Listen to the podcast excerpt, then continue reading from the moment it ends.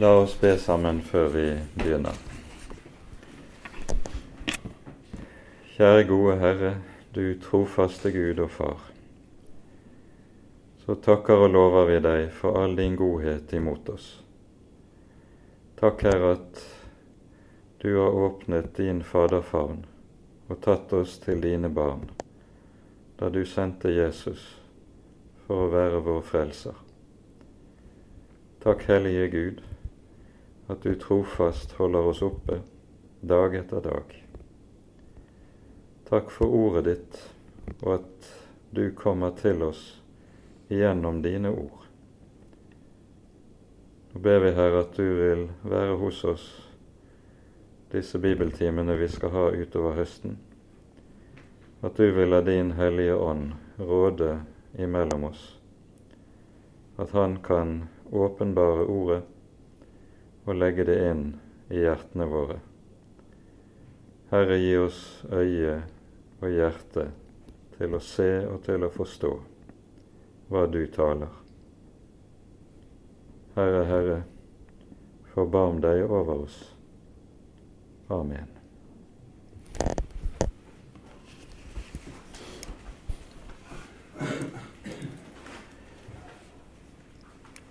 Vi skal altså, som nevnt, bevege oss i avsnittet fra kapittel 24 til og med kapittel 26 i dag. Eh, vi har dermed gjort et hopp over et ganske langt avsnitt i Jesaja-boken, i det vi jo avsluttet eh, i våres med kapittel 11 og 12 der vi hører de siste Immanuels profetien, og kapittel 12, som uh, uh, er den lovsang som synges av Guds folk når Messias har brakt frelsen. Det er seks korte vers i det tolvte kapittelet. Eh, og det innledes med at på den dag skal du si, altså på frelsens dag, når Messias har fullbyrdet frelsen og brakt Guds rike. Det avsnittet som så følger, fra kapittel 13 av og til og med kapittel 23, det er et avsnitt der profeten forkynner Guds dom over nabofolkene, Israels nabofolk.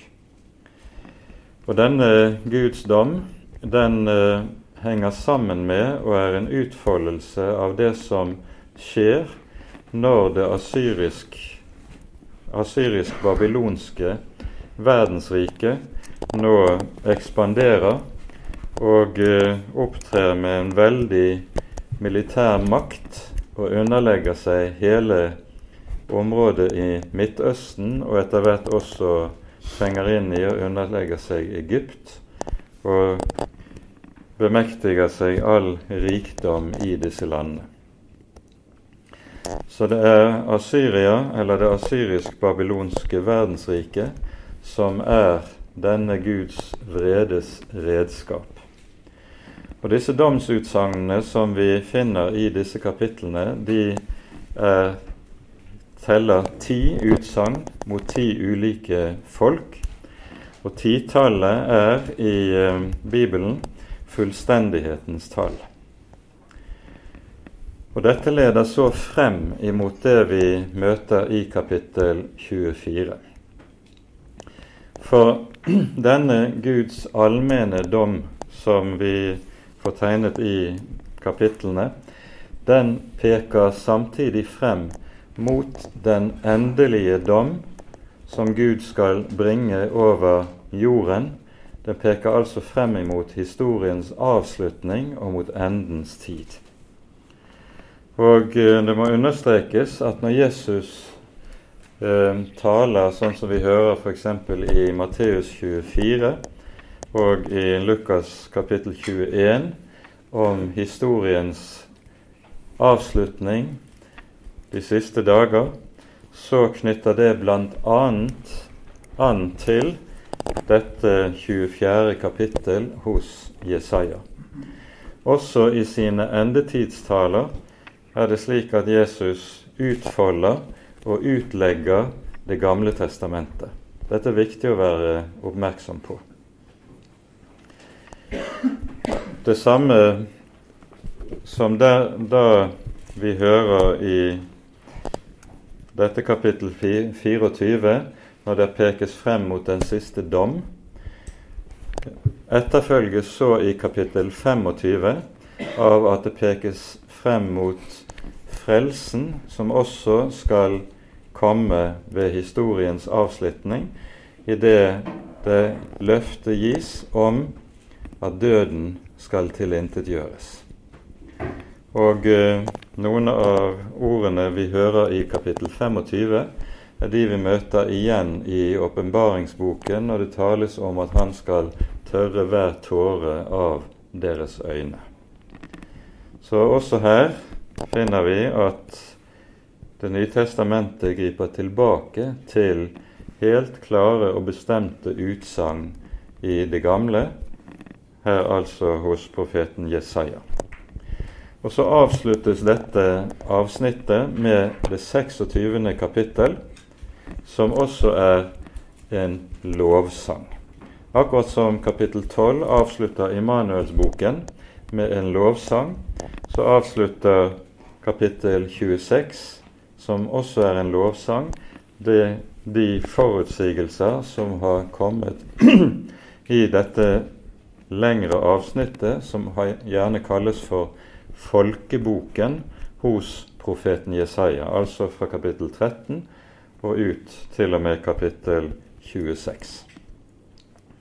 Så dette er hvordan uh, det hele er disponert, sånn at vi har en oversikt over dette.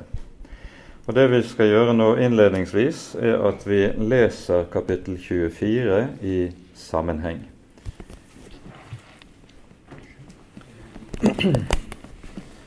Se, Herren tømmer jorden og legger den øde.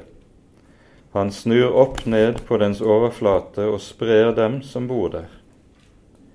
Da går det presten som folket, Herren som trellen, fruen som trellkvinnen, selgeren som kjøperen, låntakeren som långiveren, ågerkaren som hans skyldner tømmes. Ja, tømmes skal jorden og plyndres, ja, plyndres, for Herren har talt dette ordet. Jorden sørger og visner bort, jordriket sykner og visner bort, de ypperste av dem som bor på jorden, sykner bort. Jorden er vanhelliget under dem som bor på den, for de har krenket lovene overtrådt budet, brutt den evige pakt. Derfor fortærer forbannelse jorden, og de som bor på den, må bære sin skyld. Derfor brenner de som bor på jorden, og det blir bare få mennesker tilbake. Mosten visner, vintreet sykner bort. Alle de som før var så hjerteglade, sukker nå. Det er forbi med gleden ved tamburinens lyd. Det er slutt med larmen av dem som jubler. Det er forbi med gleden ved sitterens klang. De synger ikke lenger mens de drikker vin. Besk er den sterke drikk for dem som drikker den. Nedbrutt er den øde byen. Stengt er hvert hus, så ingen kan gå inn. På gatene lyder klagerop over vinen All glede er borte. Landets fryd er blitt landflyktig. Tilbake i byen er bare ødeleggelse, og porten er slått i stumper og stykker. For det skal gå slik til blant folkene på jorden som når oliven blir slått ned, som ved etterhøsten når vinhøsten er forbi. De skal oppløfte sin røst og rope med fryd. Over Herrens herlighet jubler de i Vesten. Derfor, dere som bor i Østens land, gi Herren ære. Dere som bor på havets øyer og kyster, er Herren Israels Guds navn. Fra jordens ytterste ender hører vi lovsanger. Ære være den rettferdige. Men jeg sier, jeg forgår, jeg forgår, ved meg. De svikefulle sviker, ja, de svikefulle sviker og røver. Gru og grav og garn over deg, du som bor på jorden. Og det skal skje at den som flykter for den grufulle larm, skal falle i graven.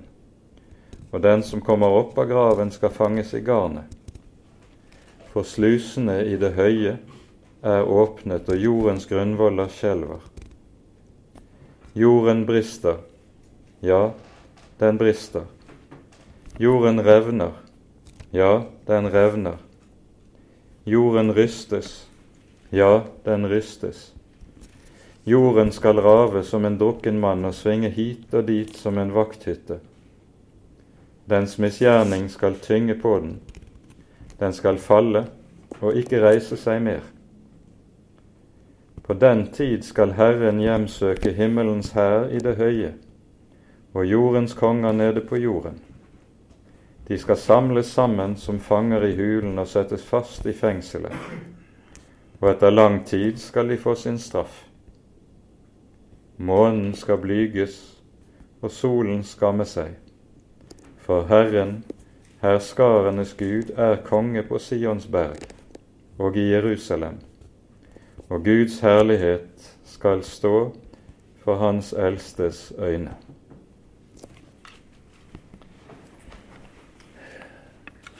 Dette er et voldsomt avsnitt, og eh, profeten Jesaja har et språk som har en poetisk kraft i seg som knapt noen av de andre gammeltestamentlige profetene har, som gjør at det blir voldsomt når du leser det også.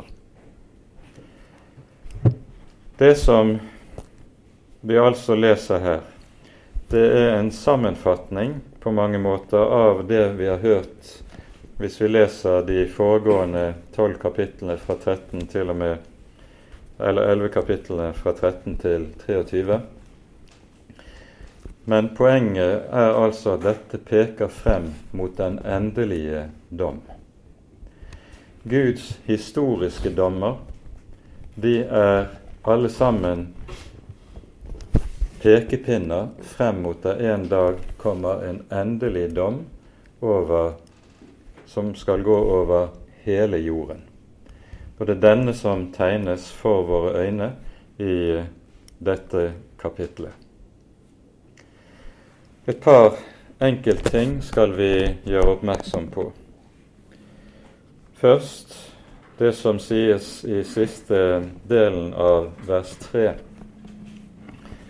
For Herren har talt dette ord. Poenget med en slik setning er at når det understrekes at Herren har talt dette ord, så er det en setning som borger for sikkerheten i at det som her er sagt, skal skje. For Guds ord er for det første det som setter i gang historiens ulike begivenheter. Guds ord er det som så å si iverksetter det som skjer på historiens arena. Akkurat som Gud er den som skaper ved ordet sitt, så er han den som også styrer historien ved sitt ord. Og Dette er en sannhet som vi møter igjen gjentatte ganger i Det gamle testamentet. Herren taler, og så skjer det, iverksettes det, i historien. I det tiende kapittel i, eh, hos Jesaja så formuleres dette veldig dramatisk. Det sies et ord har slått ned i Israel. Det er som om du skulle sagt en bombe har slått ned. Herrens ord har en voldsom kraft i seg som utfører det det nevner, og når det sies på denne måten, så er det altså et dommens ord. Det er det første som understrekes med dette, for Herren har talt dette ord. Det andre er at Guds ord er det som er det troverdige. Når Herren har sagt det, så skal det skje. Om så alle løfter på skuldrene og smiler og tenker dette er umulig, slikt kan ikke skje. Herren er den sanddrue, den sannferdige, og det han har sagt, det han har talt, det fullbyrdes. Så disse to sidene ved det som her sies i dette vers 3, er viktig å understreke. Dernest så har vi avsnittet fra vers 5 til 6. For det som vi her leser i disse to versene, det er noe som griper tilbake til det vi hører i syndefallsberetningen i Første Mosebok, der Herren i domsordene over Adam sier til ham:" Fordi du gjorde dette, skal jorden være forbannet for din skyld. Og fra den dagen av så har forbannelsen vært en del av det som kjennetegner den verden vi bor i. Sykdom, død, ulykker, naturkatastrofer og disse tingene, det er alt sammen uttrykk for den forbannelse som hører med til fallets verden, og er altså en integrert del av vår virkelighet. Vi kjenner ikke noen annen verden enn den verden som er under forbannelsen. Og så er sykdom, død, ulykke og katastrofer en del av vår virkelighet. Og vi skal ikke forvente noe annet så lenge denne verden står. Det som vi også skal være oppmerksom på, er at når Jesus underviser om dette, så hører vi at han i Matteusevangeliet kapittel 24 kaller Eh, det som de ulykker som skal kjennetegne tiden forut for historiens avslutning, det kaller han for veer. Og Det er et meget viktig begrep. For vea, det er jo det som går forut for fødselen. Og vea har det med seg at jo nærmere fødselen kommer, jo kraftigere blir veene, og jo hyppigere blir veene. Og Dette er nettopp det som skjer med disse forbannelsens krefter henimot historiens avslutning. For det er en hemmelighetsfull sammenheng mellom menneskets synd og det som er vilkårene i historiens virkelighet. På en slik måte at der synden vokser i kraft i menneskeheten, der vil også forbannelseskreftene komme til å vokse i kraft. Og det er dette som er bakteppet for de voldsomme begivenheter som males for våre øyne når vi får malt historiens avslutning for oss i Det nye testamentet, både i åpenbaringsboken og i Jesu endetids tale. Så legg merke til det som står i vers 5 og 6. Jorden er vanhelliget under dem som bor på den. Og der det, jorden er vanhelliget, så er, vokser forbannelsen frem. For, og dette er begrunnet, for de har krenket lovene, overtrådt budet, brutt pakten. Dette kan ikke bare sies om Israels folk i landet, men det gjelder hele menneskeheten som sådan. Og Dermed kommer det til å gjelde hele jorden og hele skaperverket. Derfor fortærer forbannelse jorden, og de som bor på den, må bære sin skyld, sies det.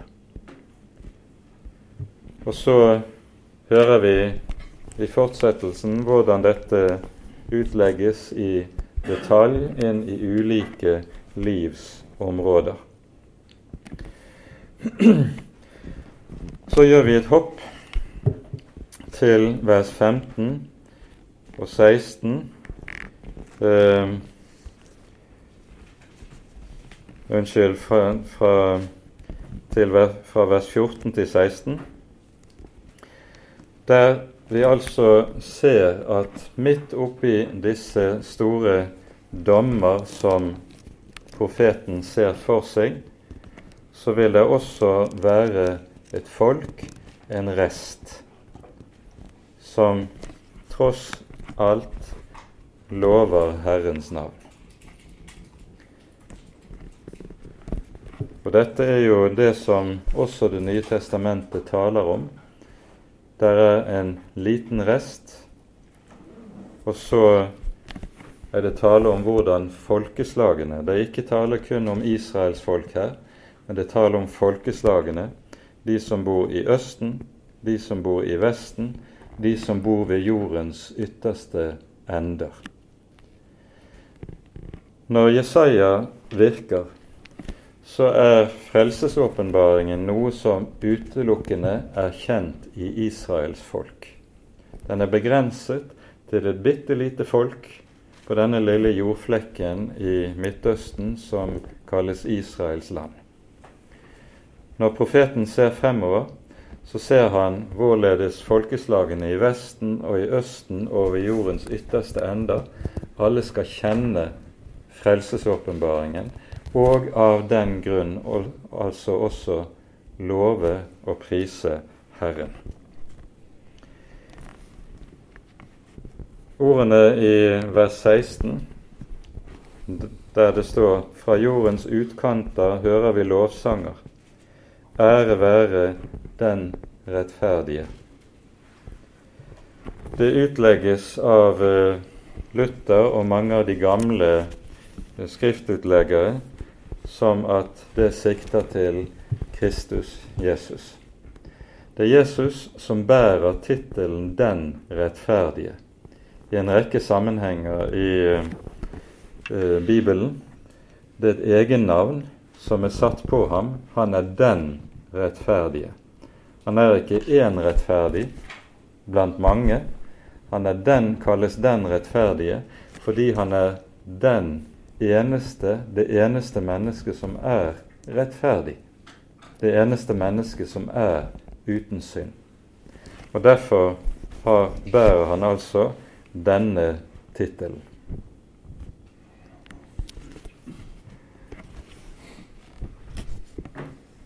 Jesus taler om i Matteusevangeliet Eh, vi har hørt hvorledes ordet veier anvendes. Veiene går foran en fødsel. Og Jesus kaller historiens avslutning for en gjenfødelse. Det står i Matteusevangeliets 19. kapittel. I gjenfødelsen sier, lover han disiplene når Menneskesønnen kommer i sin herlighet, da skal dere sitte på tolv troner og dømme Israels stammer. Dette er et løfte som Jesus gir sine disipler. Men historiens avslutning kalles altså for en gjenfødelse. Fordi det er slik at i det den jord som vi kjenner, det univers og den virkelighet som vi kjenner, går under, så skal det skapes nye himler og en ny jord hvor rettferdighet bor. Altså det førstes undergang blir til det nyes fødsel. Det er sånn som Det nye testamentet underviser om det. Og så er det altså at vi hører i åpenbaringsboken det sies 'Jeg så nye himler og en ny jord', hvor altså rettferdighet bor. Det er løftet. Mennesket vil på grunn av og med sin synd komme til mer og mer å forårsake denne jords ødeleggelse. En del av det ser vi for våre øyne allerede nå, og det kommer til å akselerere frem mot avslutningen. Men dette at denne undergang samtidig peker frem mot at det kommer en gjenfødelse, det peker både mot det håp som Bibelen bærer i seg, og det peker mot det som kommer, og som møter oss i det 25. kapittel. For mens vi i det 24. kapittel likesom møter baksiden, den mørke dommens side, møter vi i det 25. kapittel den frelse som også skal rinne denne dagen. Og På denne måten ser vi det som er helt karakteristisk ved Det gamle testamentets profeters forkynnelse. Det er slik at dom og frelse går hånd i hånd. Det er ikke noe som utelukker hverandre, det går hånd i hånd. Og Da tar vi oss tid til å lese fra kapittel 25. Herre, du er min Gud. Jeg vil opphøye deg. Jeg vil prise ditt navn, for du har gjort under. Dine råd fra gammel tid er sannhet og trofasthet. For du har gjort en by til en steinrøys, en befestet by til en grushaug. Du har ødelagt de fremmedes palasser så det ikke er noen by lenger. Aldri mer skal det bli bygd opp igjen. Derfor skal et sterkt folk ære deg, og de ville hedningers by skal frykte deg. For du har vært et vern for den hjelpeløse, et vern for den fattige i hans trengsel, et ly mot regnskyll, en skygge mot hete. Når voldsmenn fnyser, er det som regnskyll mot en vegg. Slik du demper heten i tørt land, slik demper du de fremmede språk. Som hete dempes ved skyggen av en sky, slik dempes voldsmennenes sang. Herren, herskarenes Gud, skal på dette fjell gjøre et gjestebud for alle folk. Et gjestebud med fete retter, et gjestebud med gammel vin, med fete, margfulle retter og med klaret, gammel vin. På dette fjell skal han tilintetgjøre det slør som tilslører alle folkene, og det dekke som dekker hedningefolkene. Han skal oppsluke døden for evig, og Herren, Herren, skal tørke tåren av alle ansikter. Sitt folks vanære skal han ta bort fra hele jorden, for Herren har talt. På den tid skal de si, Se, der er vår Gud, Han som vi ventet på, Han som skulle frelse oss. Dette er Herren som vi ventet på. La oss fryde oss og glede oss i Hans frelse. Vi stanser der foreløpig. Nå ser profeten altså fremover mot den befrielse som den siste dom også skal bære med seg. Jeg vil prise ditt navn, for du har gjort under. Ditt råd fra gammel tid er sannhet og trofasthet. Her skal vi gjøre oppmerksom på et par viktige saker. Når Messias navn kunngjøres i Isaiah 9,6, så er de to første navnene han nevnes ved, det er under og rådgiver. Dette er det navnet han skal kalles med, står det. Under, rådgiver, veldig Gud, evig Far og fredsfyrste. Det er navnene som listes opp i Isaiah 9,6. De to første er altså under og rådgiver. Og det er disse to begrepene som dukker opp her. Du har gjort under, og ditt råd. Det er samme hebraiske ordene som ligger i bunn her. Og så sies det dine råd fra gammel tid er sannhet og trofasthet. På hebraisk er det slik at begrepet sannhet og trofasthet, disse to kommer av samme ordstammen, og de henger uløselig sammen. Og den som er trofast, det er den som har gitt et løfte, og så holder han dette løftet. Da viser han seg som sannferdig. Og Den som er sannferdig, han gjør det han har sagt. Dette er trofasthet. Sånn at i mange sammenhenger i Det gamle testamentet er det faktisk slik at det er usikkert om en skal oversette hovedbegrepet med sannhet eller trofasthet. Det kan oversettes på begge måter i bibelteksten, og må, en må ofte veie alternativene i forhold til det som er sammenhengen som teksten står i. Vi har altså to forskjellige begreper for det som er samme begrep på hebraisk. Når det sies sånn som vi hører her, dine råd fra gammel tid er sannhet og trofasthet, så dette noe som forkynnes for oss med meget tydelige ord i kapittel 46 i Jesaja-boken. Og vi skal lese her vers 9 og 10. Kapittel 46, vers 9 og 10.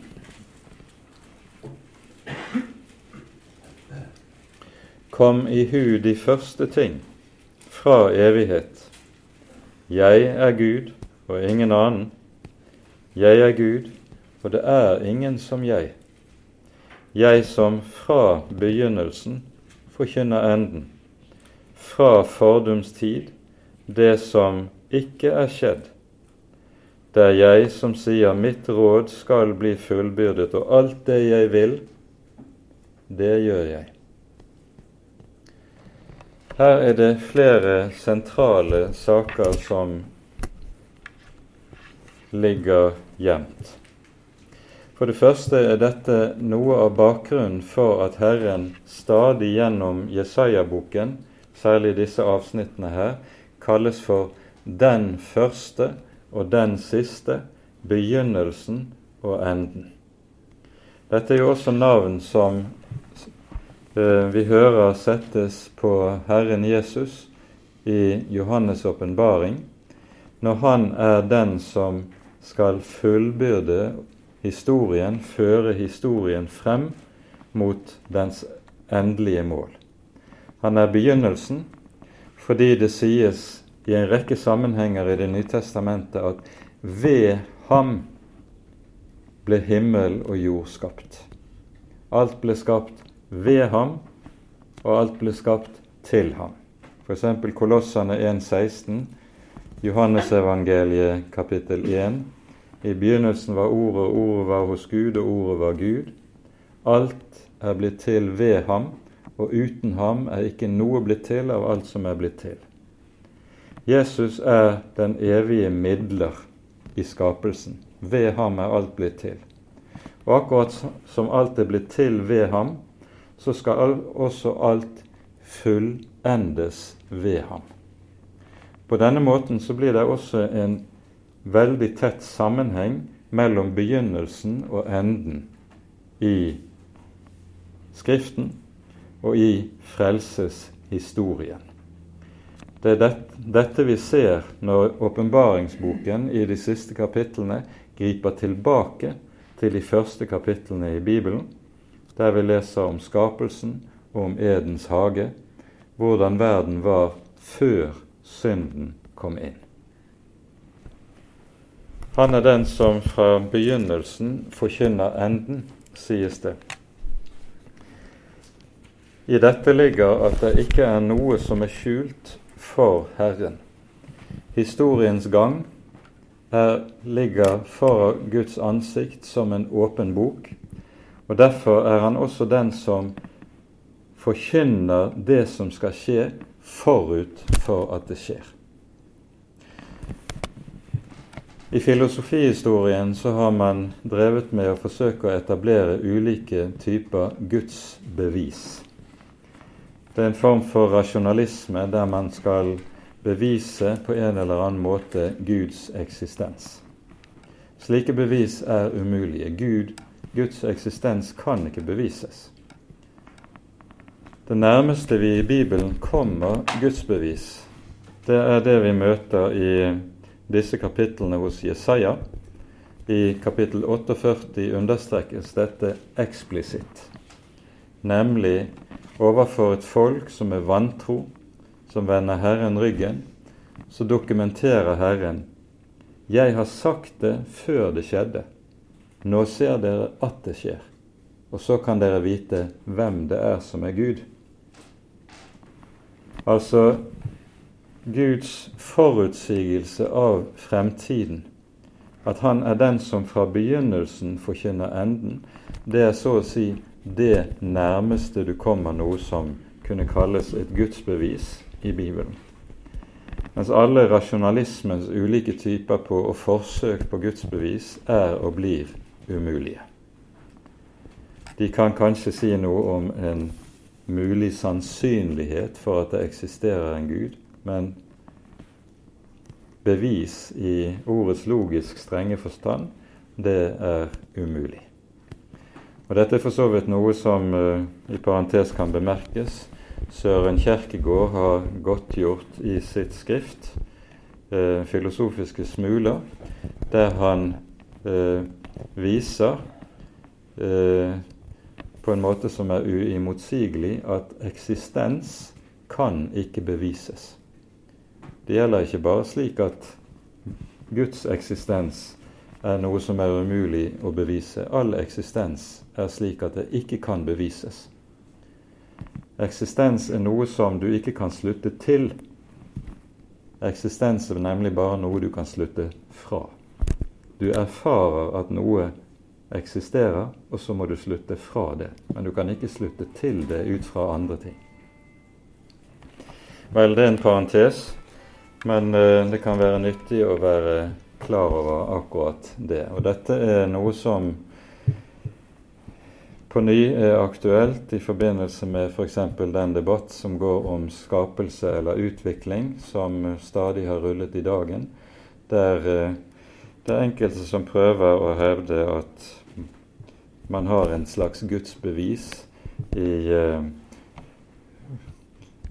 ulike foreteelser man kan se i skaperverket. Man kan kanskje sannsynliggjøre at der står en guddom bakom, men lenger enn det kommer man ikke. Og det, det er like godt at man ser i øynene først som sist. Vel, dette var en sidespor, og vi skal ikke være der. Herren er den som fra begynnelsen forkynner enden. Og Det er det vi så å si for godtgjort i disse kapitlene her hos profeten Jesaja.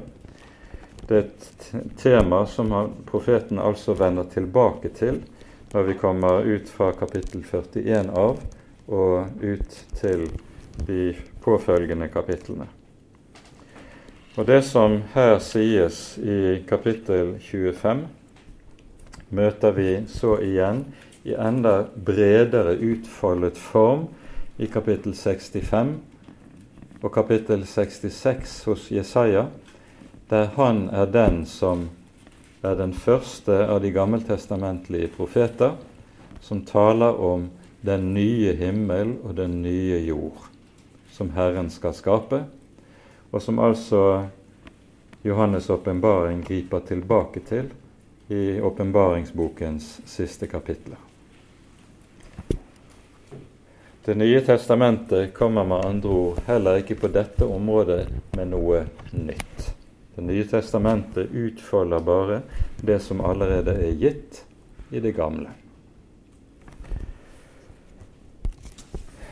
Ordene som kommer fra vers 2 og videre, griper tilbake til det som eh, profeten har vært inne på i kapittel 2 i eh, Jesaja-boken, der vi hører det programmatisk sies at Herren har satt en dag til dom over alt som er høyt og stolt.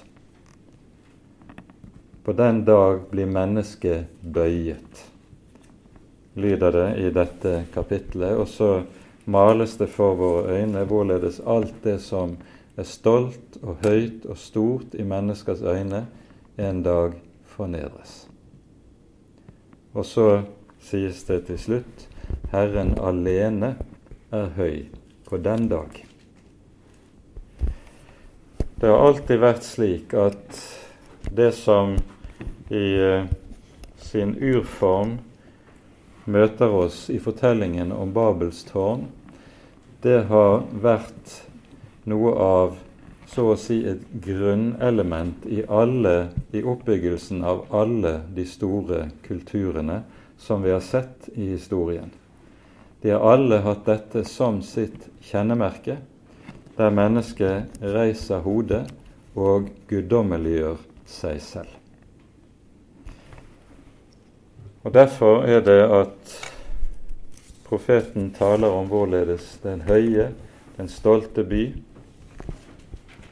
ødelegges og brytes ned, mens Herren i stedet tar seg av de små, de hjelpeløse, sånn som vi hører det i dette avsnittet.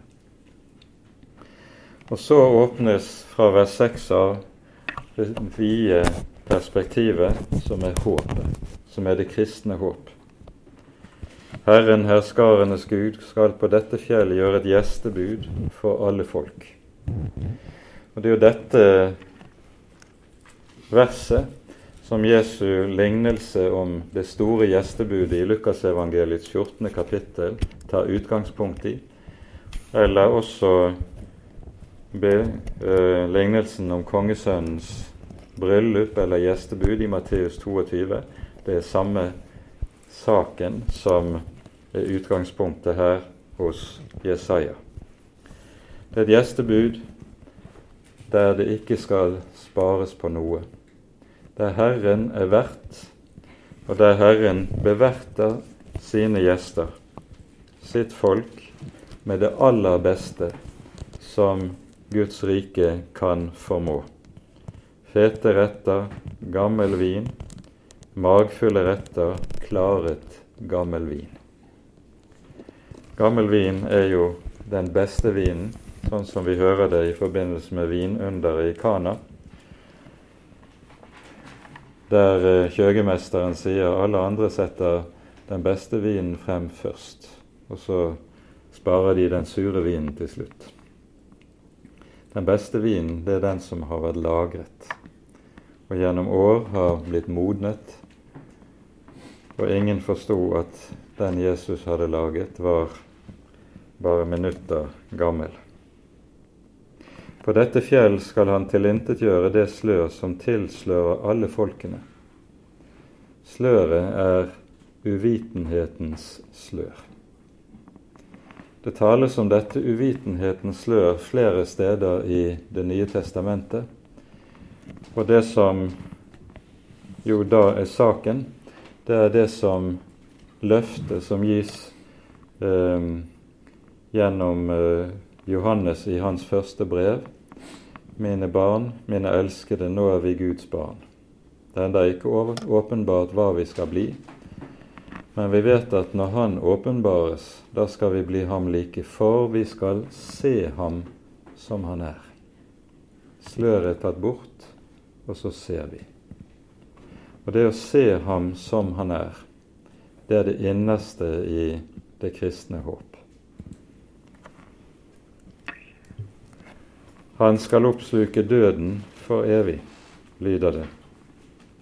Og Herren skal tørke tårene av alle ansikter, sitt folks vanære skal han ta bort. Det betyr at forbannelsen som en gang rammet jorden etter fallet, den er nå også tatt bort.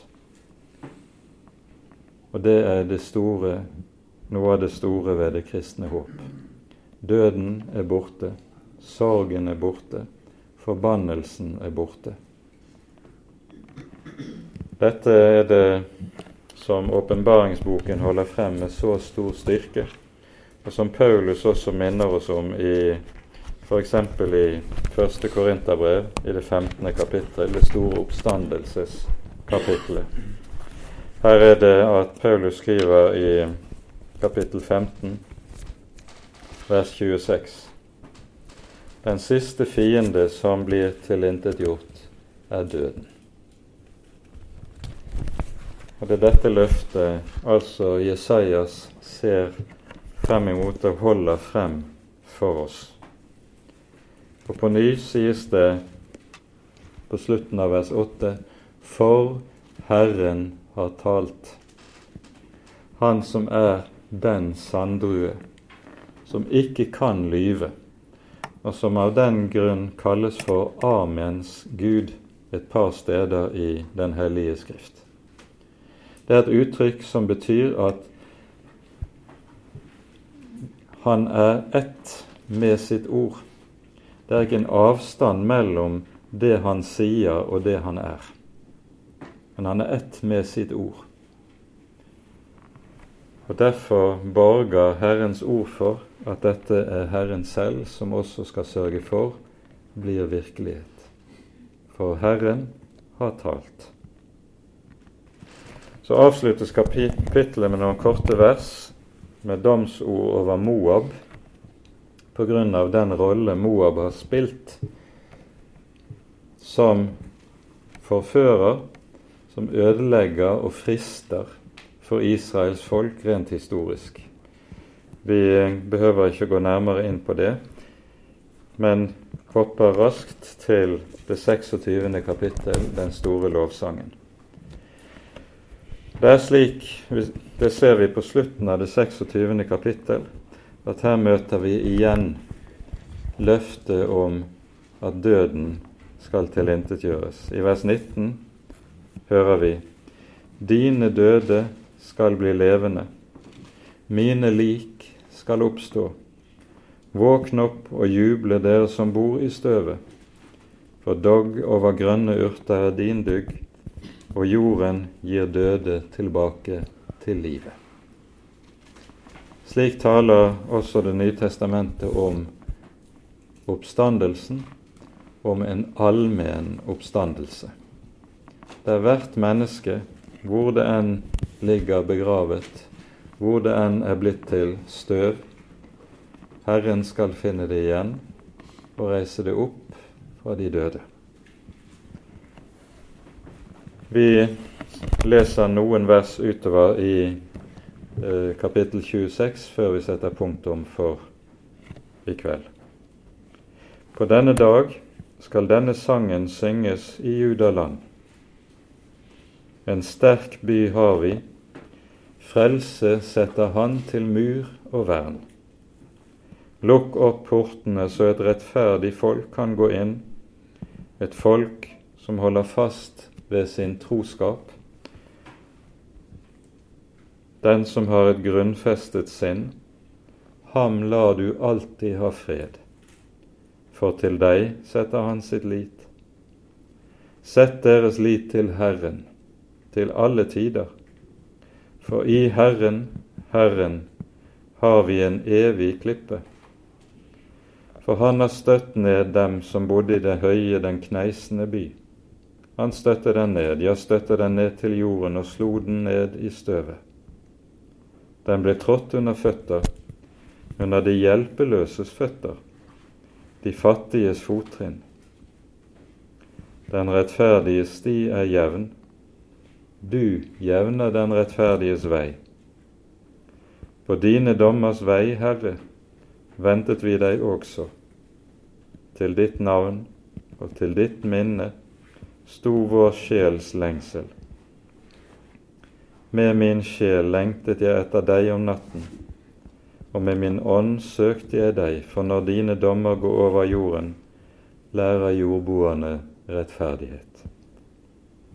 Dersom den ugudelige får nåde, så lærer han ikke rettferdighet. I rettvisets gjør han urett, han ser ikke Herrens høyhet. Herre, høyt oppløftet var din hånd, men de så det ikke. De fikk se din nidkjærhet for folket og ble til skamme. Vi leser ikke hele kapittelet, men vi merker oss at dette avsnittet altså innledes på nøyaktig samme måte som kapittel 12, som er avslutningen på Immanuelsboken. Og Denne lovsangen her i kapittel 26 den går helt ut kapittelet.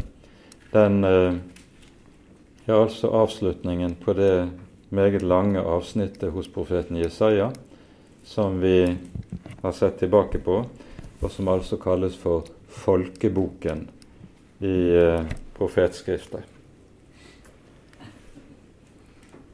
Dette bildet som anvendes her, en sterk by har vi til mur og vern. Det griper tilbake til ganske særlig Salmenes bok, der Jerusalem er bildet det Herrens stad, og vi særlig i Salme 46 og i Salme 48 og i Salme 87 hører om hvorledes denne by er bildet på det fullkomne Guds rike.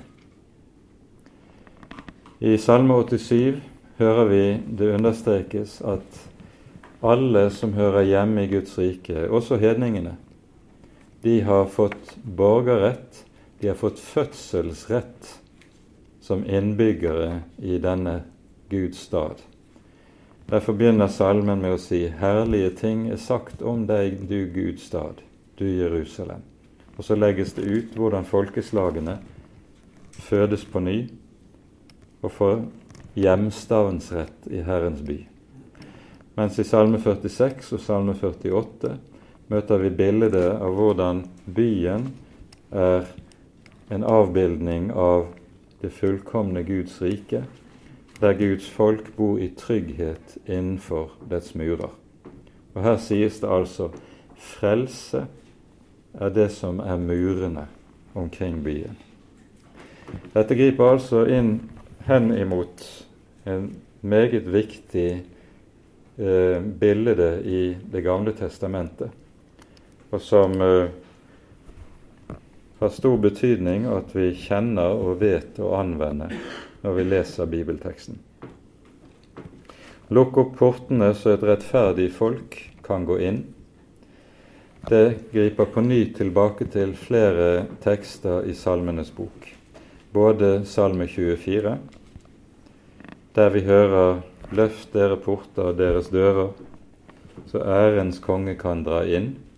Og så Salme 118, den store Hallel-salmen som ble sunget påskenatt, der det taler om hvorledes det rettferdige folket drar inn når Han som er Frelseren, har åpnet vei. Salme 118 er meget viktig i denne sammenheng.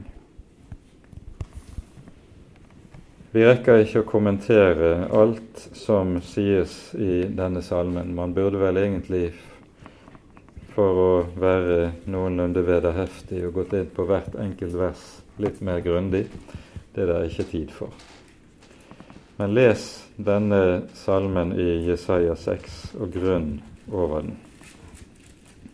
For her synger Guds folk ikke bare av Israel, men også av alle folkeslagene sammen når de ser frem imot forløsningen, seieren over døden og det fullkomne Guds rike.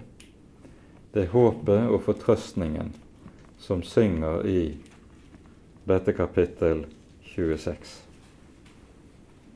Og Med det setter vi punktum for dagens bibeltime. Ære være Faderen og Sønnen og Den hellige ånd, som var og er og være skal, en sann Gud, høylovet i evighet. Amen.